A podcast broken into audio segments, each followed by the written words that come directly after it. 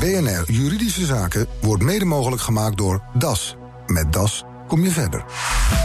BNR Nieuwsradio. BNR Juridische Zaken. Ronald Olsthoorn. Goedemiddag. In Polonaise bijna gingen ZZP'ers en opdrachtgevers vorige week naar de vrijdagmiddagborrel nadat staatssecretaris Wiebes bekend had gemaakt dat zijn wet deregulering arbeidsrelaties voorlopig in de ijskast gaat. Maar intussen is de roes uitgewerkt en blijven er nog heel wat vragen over voor ondernemend Nederland. Want hoe nu verder? En is er eigenlijk wel iets veranderd? Daar straks de deskundige over. Maar eerst nog even collega Nelleke van der Heijden, die de strijd van de staatssecretaris van Financiën tegen de uitwassen van het ZZ nog even op een rijtje zet. De wet DBA moest schijnzelfstandigheid tegengaan, maar bleek uiteindelijk een te grote negatieve bijvangst te hebben, zegt staatssecretaris Wiebes. Wat we zien is dat ondernemers uh, onzeker zijn, maar daardoor heel terughoudend in het uh, inhuren van ZZP'ers. Nou, het doel van de wet was natuurlijk om schijnzelfstandigheid tegen te gaan, dus dat, dat lukt wel. Maar er komen ook eh, mensen niet aan het werk die eigenlijk wel een zelfstandige zijn. Dus ergens deugt de wet wel, zegt Wiebes. Maar dat er nu ook allemaal zelfstandigen zonder werk zitten omdat opdrachtgevers zenuwachtig worden, dat is niet de bedoeling. En nu de wet toch terug is naar de tekentafel, moet er misschien sowieso maar eens even naar die regelgeving voor de arbeidsmarkt gekeken worden. Want die is al ruim een eeuw oud de regels die gelden, die eigenlijk al meer dan 100 jaar oud zijn, eigenlijk niet meer zo bij de arbeidsmarkt van vandaag passen. En niet voor iedereen meer passend zijn. We willen toch even terug naar de bron, daar even weer opnieuw goed over nadenken. En tot die tijd doen we even geen handhaving. En we beginnen pas weer als de knelpunten zijn opgelost. Ja, dus niet meer gewoon maar proberen en zien waar het schip strandt, zoals eigenlijk nu gebeurde. Maar eerst echt zeker weten dat de wet gaat werken. Ja, en we praten verder hier in Amsterdam met hoogleraar arbeidsrecht aan de Universiteit van Amsterdam, Evert Verhulp. En vanuit Tilburg is bij ons Ronald Ronald Dekker, arbeidseconoom aan de Universiteit Tilburg. Van harte welkom, heren. Goedemiddag. Uh, meneer Verhulp. Uh, hallo, hallo. Uh, meneer Verhulp, wat vindt u eigenlijk van, van de stap van staatssecretaris Wiebes? Opmerkelijk. de staatssecretaris van Financiën die eigenlijk vertelt dat het burgerlijk wetboek moet worden aangepast. dat kan hij alleen maar doen als hij overlegt met zijn collega's van Sociale Zaken en Justitie. En dat zijn grote stappen. Um, ja, inderdaad. En heeft u het gevoel dat dat er ook een beetje bijgehaald wordt? Ja, ik denk het wel. Ik denk dat de ophef die is ontstaan eigenlijk niet, niet voor verwacht was. En dat men dus nu uh, een, een, een, een, koelkast zoekt waar uh, de wet even in geparkeerd kan worden. Met gedacht dat die er later ook alweer uitgehaald kan worden. Maar dat nu even de, de, de gemoederen wat tot bedaren kunnen komen. Ronald Dekker vanuit Tilburg. Uh, als we het hebben over die koelkast... is er in Tilburg ook nog een klein biertje uitgedronken uh, afgelopen vrijdag? of uh, viel het wel mee? Mm, er zullen best ZZP'ers zijn die blij zijn geweest... met de mededelingen van vorige week. Maar het, het ja, het is wel begrijpelijk wat Wiebes doet. de, de, de ophef was voor een belangrijk deel ketelmuziek, denk ik. Maar voor zijn eigen politieke hachje was het denk ik verstandig... wat hij nu gedaan heeft. Maar um, we kunnen niet ontkennen dat de invoering tot nu toe... nogal chaotisch is verlopen, toch? Nou ja, ja je zou kunnen zeggen dat de wet aan zich uh, logische dingen beoogt en daar ook de logische maatregelen voor neemt. Alleen dat er in de uitvoering het nodige misging, uh, dat, dat is ook helder. Wat ging er wat u betreft mis in de uitvoering? Nou, de, de, de, de, de, zou de centrale rol was weggelegd voor modelovereenkomsten. En die modelovereenkomsten moesten dan ter goedkeuring worden voorgelegd aan de Belastingdienst. En de Belastingdienst schoot daar niet erg mee op, uh, zal ik maar zeggen. En dat betekent dus dat dat een bron van onzekerheid is geweest. Het is, het is daarmee eens anders, ja? denk ik. Kijk, we weten al heel lang dat er heel veel ZZP's op de markt opereren... waarvan als je goed kijkt naar wat ze nou feitelijk doen... je eerder aan werknemers denkt dan aan ZZP'ers.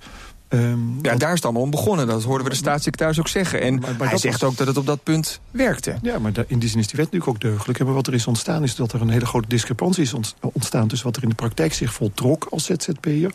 en wat de juridische duiding van die rechtsrelatie nou precies was. Oftewel, het recht heeft altijd al, is altijd wel redelijk duidelijk geweest. Alleen in de praktijk voltrok zich iets heel anders. En door de wet DBA heeft men dat gelijk geprobeerd getracht weer gelijk te trekken. Nou, dat, dat is een beetje mislukt, omdat de praktijk te weerbarstig blijkt. Dus u zegt eigenlijk die ophef wordt veroorzaakt... omdat de wet juist uh, doet wat het moet doen? Precies. Ja. Dat is eigenlijk feitelijk wat er aan de hand is. Ja, ja meneer Dekker? U... Dat, ja, ik onderschrijf dat volledig. En, wat je ziet is dat, dat, er een, uh, dat er een heel... Ja, dat schijnzelfstandigheid, dat daar de risico's te groot van werden. En dat daar is besloten om, eh, om tot werknemersrelaties over te gaan... of op een andere manier dat werk in te vullen. Nou, dat is precies het, het, uh, het doel van de wet. En in de kantlijn daarvan zullen uh, zeg maar, oprechte ondernemers ook wel eens een opdracht zijn kwijtgeraakt. Maar dat, daar is dat is niet de kern van de zaak volgens mij. Nee, want gaan jullie daar niet voorbij aan die grote onzekerheid die uh, er dus heerste bij zowel de inhuurders, de opdrachtgevers, als, als ook bij de ZZP'ers nou ja, die een, werk zagen verdwijnen? Volgens mij is er geen sprake geweest van onzekerheid. Men wist eigenlijk best wel dat er sprake was van een arbeidsrelatie, maar heeft hem gewoon juridisch anders vormgegeven. En dat kon afgestempeld door de Belastingdienst, die eigenlijk verklaarde de opdrachtgever daarmee verder niet meer lastig te vallen. Nou, dat is Precies, dat was de VAR. En dat is die VAR geweest. Nou, de afschaffing van de VAR heeft juridisch helemaal niks veranderd... anders dan dat tegen de opdrachtgever is gezegd... luister eens, als u een, toch een werknemer in dienst blijkt te hebben... in plaats van een opdrachtnemer, dan komen we alsnog bij u langs. Nou, die onzekerheid leidt vervolgens toe dat al die opdrachtgevers... nu achterover deinzen en het niet meer aandurven... op die wankele juridische basis mensen in te schakelen. Maar kunnen we dan, vraag ik ook maar even nu, meneer Dekker... niet terug naar die VAR? Ik bedoel, dat was op zich nou, geregeld. Dan, dan was je toch ook nou, volgens de waren twee, een ondernemer. Er waren twee problemen mee. Daar lag de verantwoordelijkheid voor, voor het bewijzen dat er sprake was van ondernemerschap volledig bij de, bij de ZZP en de ondernemer. En de, en de opdrachtgever was daar volledig buitenschot. Eén uh, aspect van die wet DBA is dat die verantwoordelijkheid nadrukkelijker ook bij de inhurende partij terecht kwam. En, en daardoor is inderdaad onzekerheid ontstaan. Maar die, dat was onzekerheid van het goede soort. Want al die bedrijven hebben zich achter de oren moeten krabben van al die mensen die we hebben rondlopen. Zijn dat nou werkelijk ondernemers of lopen we grote risico's dat wij alsnog worden aangeslagen door de Belastingdienst? Dus uh, niet terug naar de VAR?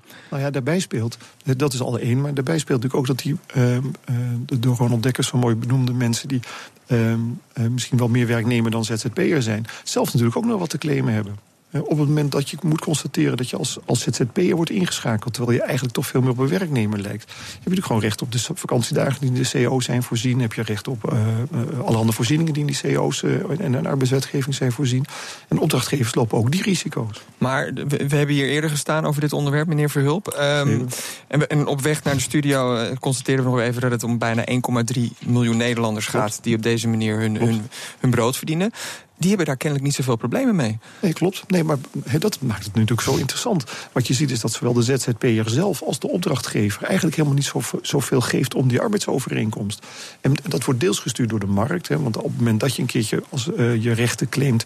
dan ben je in de markt waarin je opereert waarschijnlijk ook je goede naam kwijt... en word je nooit meer ingeschakeld. Dus dat zou een deel kunnen zijn. Maar ook, ook vanwege de gedachte dat die arbeidsbeschermde arbeidswetgeving... voor heel veel mensen eigenlijk misschien wel een beetje uh, outdated is. Ja, maar dit wordt natuurlijk allemaal gepresenteerd als die strijd tegen schijnzelfstandigheid. Uh, en excessen daar gelaten, dat moet je natuurlijk ook aanpakken. Maar uh, eigenlijk is het misschien meer de jacht op belastinggeld. Ook, maar het is natuurlijk ook. Het, het, kijk, het verschijnsel dat zich voordoet, is dat denk ik heel veel mensen zich echt als zelfstandige ervaren in de samenleving. En dat, en dat is ook heel begrijpelijk. En tegelijkertijd zijn ze het juridisch niet. Nou, dat, dat verschil uh, wordt nu door de, door de, de wet DBA wel heel erg zichtbaar gemaakt. En dat leidt dus tot, tot, tot wrijving. Nou, dat verschil gaan we straks ook nog even gezamenlijk proberen op te lossen. Maar uh, toch, meneer Dekker, denkt u eigenlijk nu... want uh, alles wordt uitgesteld tot en met 1 januari 2018... maar tegelijkertijd zegt de staatssecretaris in een brief... dat kwaadwillende opdrachtgevers en opdrachtnemers niet veilig zijn... voor naheffingen en boetes. gaat er eigenlijk wel iets veranderen met die mededeling van vorige week? Nou, je mag, ik, ik heb voor, voor de mededeling van Wiebes ook geroepen dat, dat bedrijven die ervan overtuigd zijn dat ze gewoon zaken doen met ondernemende ZZP'ers die op alle fronten ondernemer zijn, dat die zich helemaal niet zo onzeker hoeven te voelen.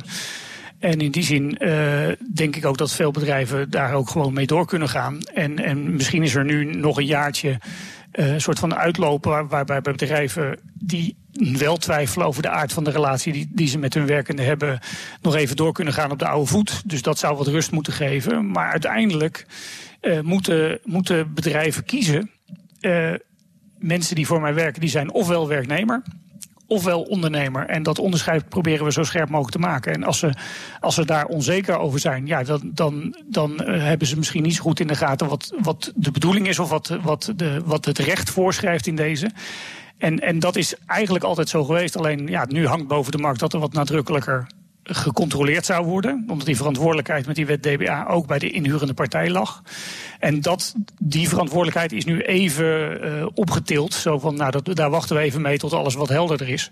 Nou ja, dat, dat zou toch wat rust moeten geven. Maar wat er ook in de praktijk gebeurt, is dat uh, u zegt, ja, bedrijven moeten bepalen of je mensen of als uh, werknemer of als ondernemer wil inschakelen. Maar um, veel van die ZZP'ers worden nu richting een payroll-constructie geduwd of via een uitzendbureau. En ja, ik denk toch ook niet dat dat weer de bedoeling kan zijn van deze nieuwe nou Ja, dat, dat, dat, dat, dat, dat is dan een manier om, om risico's uh, uh, van je af te organiseren voor die inhurende organisaties. En je kunt je afvragen of dat nou ook daadwerkelijk uh, economische waarde vertegenwoordigt, of dat dat alleen maar ja, een soort van hogere administratieve druk geeft.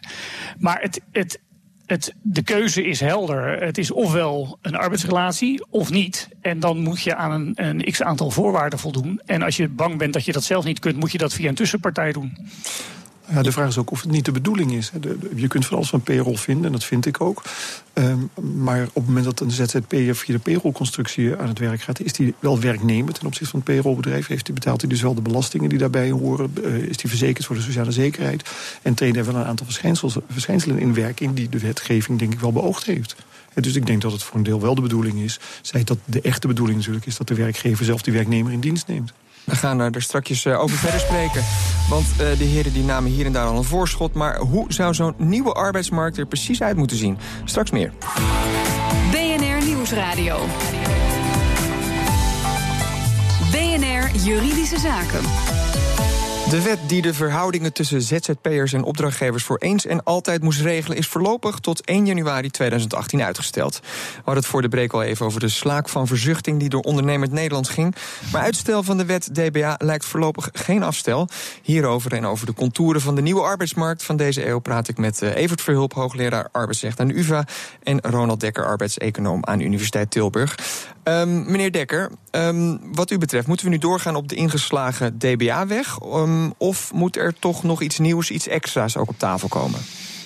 Nee, ik denk dat de contouren van die wet DBA, en, en er zal vast nog iets aan, aan te verbeteren zijn, maar dat, dat, je, dat er een heldere keuze wordt afgebakend tussen werknemerschap enerzijds en ondernemerschap anderzijds, dat dat de goede weg is. En, maar en, breek meteen even in, wat is dat nou helder? Want de staatssecretaris zelf zei dus van die begrippen die dateren van een wet uit 1907, die zijn naar renovatie ja, toe. De, de, dat is een beetje getut van de staatssecretaris, want dat wist hij ook wel voordat hij die wet maakte. Uh, het is uh, het als, als iets een arbeidsrelatie is, dat is juridisch vrij, vrij stevig eh, neergezet. En, en het probleem is dat je dat vaak achteraf pas kunt zien. En, uh, en, uh, en dat, dat noemen die bedrijven dan nu het risico en de onzekerheid. Maar die was er altijd al. Alleen de handhaving schoot schromelijk tekort. En de wet DBA zorgt er wel voor dat de handhaving nu stevig ter hand genomen wordt. En dat vind ik nog steeds een goed idee. Dat valt nog altijd te bezien natuurlijk bij de Belastingdienst. Of dat ook allemaal gaat lukken. Maar, uh... Nou ja, maar dat is een andere vraag. ja, dat is waar. meneer Verhulp, wat u betreft. Nou ja, kijk, ik ben het met Ronald eens dat de wet heel erg duidelijk is. Die de, stamt van 1907. Maar de begrippen die daarin gehanteerd worden zijn op zich nog steeds werkbaar. Dat blijkt ook wel. Ja, gezagsverhouding, dat is de veelbesproken ja, criterium. gezagsverhouding is natuurlijk een hele, klinkt heel ingewikkeld. Mag je actie zeggen tegen een cameraman als je op de set staat van filmset? Nee, maar kijk, gezagsverhouding is natuurlijk eh, ook door de Hoge Raad wel moderner vertaald. Tot eigenlijk, nu ze gebruiken mijn eigen woorden, het zijn van onderdeel van de organisatie van de werkgever. En op het moment dat je al een, een kantoor hebt en je laat een schilder komen die de buitenboel schildert, dan zal die niet zo snel onderdeel van je organisatie worden. Dus dan weet je, ik heb een echte ZZP'er en die kun je gewoon inschakelen, is geen enkel probleem. Uh, en daar heb je ook geen modelovereenkomst voor nodig. Want iedereen weet, die huisschilder is gewoon een zelfstandige... die de volgende keer een ander kantoorpand staat te schilderen. Dat wordt natuurlijk anders op het moment dat je... Maar een geluidsman die af en toe voor, door een productiemaatschappij wordt ingehuurd? Maar, maar ik geloof dat in de mediawereld er ook heel veel... bijna letterlijk schijnconstructies zijn. Het probleem van die hele term schijnconstructies vind ik wel... dat er eigenlijk niet zozeer schijn is... omdat ook de betrokkenen zelf zich als zelfstandige ervaart. Uh, terwijl die juridisch misschien wel niet is. Nou, sterker nog, de media en de kunstwereld... die worden expliciet genoemd in de brief van de staatssecretaris. Dat, dat zij ja, met de huidige wetgeving eigenlijk niet uit de voeten kunnen. Maar dat is, maar dat is dus ook het probleem. Ik, in die zin verschillen wel iets van mening met, uh, met Ronald Dekker. Ik denk dat, dat we wel eens moeten kijken naar de vraag of de, de begrippen zoals die uit de wet uit 1907 stammen, nog wel passen bij wat men, hoe men zich uh, uh, ervaart op de arbeidsmarkt. En dat merk je natuurlijk wel. Eh, het, het mooiste de vraag stellen is een beantwoorden. Ik denk dat u vindt van niet. Nou ja, kijk, wat ik heel goed begrijp, en ik aarzel daar zelf ook over... is dat, dat muzici zijn degene geweest waarover is geprocedeerd... tot aan het Europees Hof toe in verband met de vraag... of ze nou werknemer zijn of niet. Ik vat het maar kort samen. Um, uh, en dat ging dan met name over mensen die als remplaçant in een orkest werkten. En wat zie je dan? Dat, dat wij vinden, althans dat in Nederland het denkbaar is... dat iemand die in een orkest speelt toch zelfstandig is. En in Europa trekt iedereen nogal fronst met de wenkbrauwen... alsof we echt een apenland zijn. Want hoe bestaat het nou dat er een dirigent staat... die leiding geeft, die, die precies vertelt hoe je moet spelen... en dat je dat toch als zelfstandig kunt doen? Nou, hoe komt het nu dat wij denken dat zo iemand... die vier uur per week in een orkest speelt... toch zelfstandig zou kunnen zijn? Want die alle andere dingen die hij doet, volstrekt zelfstandig doet. Hij heeft een eigen orkestje opgericht. Hij, heeft, hij, speelt dus voor zichzelf. Hij speelt soms op straat, heeft leerlingen. Nou, verzin het allemaal Dus u pleit toch voor een soort dus van zou, tussenvorm, nieuwe vorm? Kijk, wat je zou kunnen overwegen is, is te kijken naar de wijze waarop betrokkenen... dus de, de, de, de, degene die zichzelf als zelfstandige beschouwt, opereert in de arbeidsmarkt.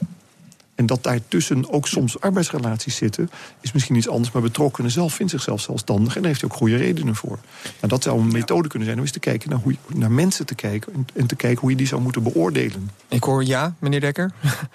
Nou ja, je, kunt ook in de huidige omstandigheden uh, ZZP'er zijn. En laat, laten we het voorbeeld van de muzikanten nemen. Uh, die, die kunnen heel wel uh, zelfstandig uitvoerend muzikant zijn. En in dienst zijn bij een muziekschool als docent. En, en soms kan dat zelfs zodat de zelfstandige aftrek niet in gevaar komt. Dus er zijn mogelijkheden voor om dat soort dingen te combineren. En, en als het dan specifiek om de inhuur door zo'n orkest gaat dan, dan is ook heel eenvoudig hard te maken dat die persoon nog drie, vier, vijf andere dingen doet eh, eh in ondernemende zin. En dat die persoon daarmee ondernemer is. En dat die alleen voor die aanstelling in dat orkest misschien een werknemer genoemd zou moeten worden. Maar dat, dat, daar zit geen probleem. Het gaat er alleen over, over die specifieke relatie moet een keuze gemaakt worden. Dus nou, krijg je dan een probleem? dat, dat, dat fiscaal gezien werknemer en ZZP'er wat nou meer naar elkaar toe gaan groeien? Of hoe moet ik het concreet zien? Het, het probleem is dat de, de, de, muzikant, we hebben het nu over een muzikant, muzikant, zichzelf als zelfstandig ervaart. Ook voor die vier uur dat hij bij het orkest speelt, terwijl hij dan juridisch net niet is. Het orkest het bezwaarlijk vindt om iemand voor vier uur per week in dienst te nemen als remplaçant gedurende gedurende drie maanden. Want dan is de uitvoering natuurlijk weer klaar. Um, uh, omdat het administratieve lasten met zich brengt. En dus er twee partijen zijn die eigenlijk allebei vinden dat ze gewoon een zelfstandigheidsrelatie met elkaar zijn aangegaan. Ja, en, werkgevers, lopen, ja, en werkgevers lopen natuurlijk ook altijd weer aan tegen het feit van ja, als ik iemand aanneem, als hij of zij ziek wordt, moet ik natuurlijk twee jaar dan doorbetalen. Ja, um, als als, als je vier projecten na, in een bepaalde tijd verricht, dan moet ik hem ook weer een vast dienstverband aanbieden met misschien wel een transitievergoeding aan het einde. Ik vind dat we in Nederland wel echt heel krampachtig omgaan met de arbeidsovereenkomst voor een bepaalde tijd. De loondoorbetaling bij ziekte is inderdaad wel een punt. Aan de andere kant, de meeste werkgevers zijn herverzekerd. De, de grootste last is natuurlijk toch dat je moet reïntegreren en allerhande inspanningen moet verrichten die eigenlijk niet bij een werkgever zonder meer horen. Uh, maar financieel is dat niet zo'n probleem, vaak als de herverzekerd is. Um, uh, maar wat je ziet is, het ontslaan is natuurlijk ook goed denkbaar. Als een voorstelling is afgelopen en het orkest gaat iets anders spelen... waarbij de violen niet meer Dan moet je gewoon afscheid van elkaar ja, dan kun je dus ontslaan. Meneer Dekker, u wilde even reageren. Nou ja, het, het, het is uh, wat mij betreft ook heel wel mogelijk dat die mensen voor vier uur uh, in zo'n orkest gewoon nog steeds ondernemer zijn. Juist omdat ze daarbuiten nog zoveel ondernemende dingen doen. Uh, alleen het, het, het, gaat erom dat het ook een soort van hygiëneregel op die arbeidsmarkt is. Dat in andere organisaties mensen uh, twee jaar lang op dezelfde plek zitten fulltime. En die ook als ZZP te boek staan en geen enkele andere opdrachtgever hebben. Ja, dan gaat het wel mis. En, en op, op basis van dat soort criteria kun je dus wel degelijk zinvol onderscheid maken. Er zit wel een hoop muziek in het onderwerp, hoor ik al. Maar, ja, zeker, zeker. Uh, maar meneer Philip, ik lees ook overal van... nou, uh, misschien is de polder wel aan zet om een uh, nieuwe aanzet te geven... tot die nieuwe arbeidsmarkt. Nu bent u ook nog kroonlid van de SER. wordt er hard op gestudeerd? Um, ja, maar er wordt altijd hard op gestudeerd. Ja? De CER is altijd heel goed bezig. En waar denkt u dan aan? Want ik heb natuurlijk ook als een, een soort van ingroeimodel... heb ik ook al horen vallen. Ja, dat komt een beetje bij D66 vandaan, heb ik gelezen. En dat ingroeimodel dat is een systeem waarbij... Europa pleit er heel erg voor. Waarbij je niet meer kijkt naar de vraag of er nou echt een... wat de aard van de juridische relatie is... maar veel meer kijkt naar de duur van de relatie. En, en dat, dat zijn dan politieke keuzes. Maar je zou bijvoorbeeld kunnen bedenken... dat na 20 uur altijd uh, sociale verzekeringspremies moet worden afgedragen. En dus ook een verzekering in het kader van de sociale En waar gaat uw voorkeur naar uit? Nou, ik vind dat een interessant model. Dat vindt de SER ook een interessant model? Nee, dat, daar, hebben we het, daar hebben we het nog niet op die, in die tonen over. Um, maar het is een interessant model omdat, omdat Europa daarvoor pleit... en, je, en het ook wel mogelijkheden biedt om de arbeidsmarkt... een, andere, um, een wat andere richting te geven. Meneer Dekker, tot slot, wie is er aan zet? De politici of de polder of de kiezer misschien wel straks weer? Nou ja, laten we even de kanttekening maken dat het hier gaat over ongeveer, uh, nou, laten we zeggen, maximaal 10% van de arbeidsmarkt. Uh, een niet onbelangrijk deel van die arbeidsmarkt, maar wel uh, een, een, kleine minderheid. En daar weer een deel van.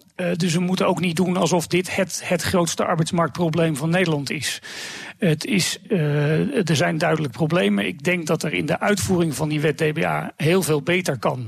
maar de wet zelf daar was volgens mij niet zo vreselijk veel mis mee. Dus ik denk dat het volgende kabinet gewoon aan zet is om die uitvoering te verbeteren. En dan op deze manier denk ik, prima eh, de, de, arbeidsmarkt kan laten functioneren. We gaan het zien. Ik wil jullie hartelijk danken voor deze verkenning.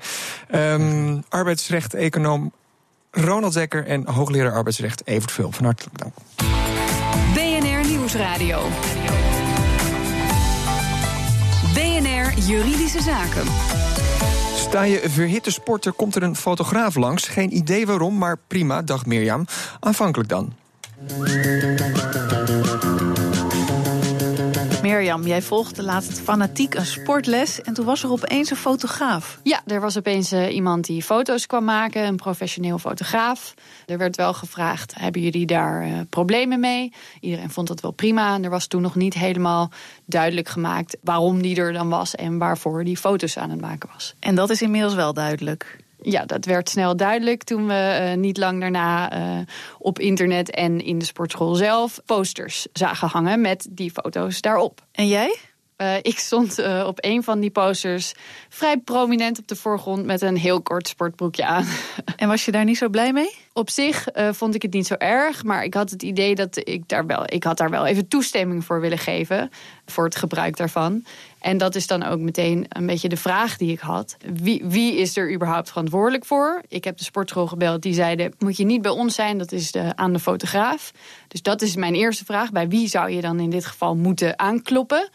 En uh, de tweede dan, uh, wanneer hadden zij mij toestemming moeten vragen? Ik, ik ga ervan uit dat, dat als het voor commerciële doeleinden wordt gebruikt, dat ze dat wel even hadden moeten doen. En vooral in dit uh, tijdperk waarin overal iedereen maar foto's mag maken. Wanneer moet je toestemming vragen om iemands foto's te gebruiken?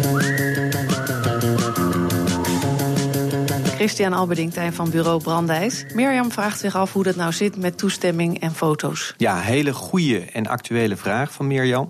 Inderdaad, in dit tijdsbestek, waarin er voortdurend foto's van iedereen gemaakt worden en filmpjes. Lang verhaal kort, er had in dit geval toestemming gevraagd moeten worden aan Mirjam. En als kleine bonus ze zou er ook een schadevergoeding voor kunnen krijgen in dit geval. En hoe moet ze dat aanpakken? Nou, de sportschool is wel degelijk verantwoordelijk. De sportschool kan zich niet verschuilen achter de fotograaf. Misschien heeft de sportschool een afspraak met de fotograaf dat hij de aansprakelijkheid op zich neemt. Maar daar hoeft Mirjam zich niks van aan te trekken. Die kan gewoon naar de sportschool gaan. Wat belangrijk is, is dat haar portret gebruikt is in een reclameuiting. In een kort broekje notabene. En dat op basis van vaste jurisprudentie in dat soort gevallen altijd wordt aangenomen dat de geportretteerde een belang heeft om zich te verzetten tegen het gebruik van zijn of haar portret. En dat zij geen problemen had met het feit dat er een fotograaf was? Nee, dat maakt niet uit. Het is van belang waar de foto voor gebruikt wordt.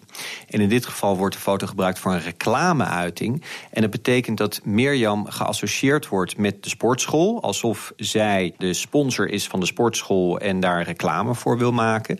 Terwijl dat helemaal niet het geval hoeft te zijn. En dan vroeg het ook een beetje wat in algemenere zin. Wanneer moet je nou toestemming vragen? Is dat inderdaad als er commerciële zijn? het portretrecht is juridisch gezien niet een toestemmingsrecht. Dus je hoeft niet altijd per se toestemming te hebben. Maar in sommige gevallen heb je wel een redelijk belang, zoals het dan heet. Nou, bij commercieel gebruik heb je vaak een redelijk belang. Louis van Gaal heeft begin dit jaar nog 25.000 euro gekregen van de rechtbank Amsterdam.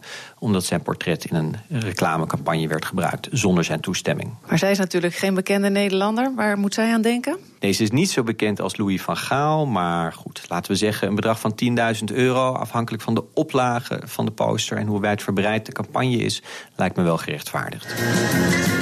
Ja, kijk, met dat geld kan je nog heel wat sportabonnementjes afsluiten. U hoorde advocaat Christian Alberding-Tijm in een verslag van Nelke van der Heijden. En heeft u zelf een juridische vraag, u kunt hem mailen naar het adres juridischezaken.bnr.nl. Dit was de uitzending voor vandaag. Hij is nog eens terug te luisteren via bnr.nl slash juridische zaken. Mijn naam is Ronald Olstorn. Tot de volgende zitting. BNR Juridische Zaken wordt mede mogelijk gemaakt door DAS. Met DAS kom je verder.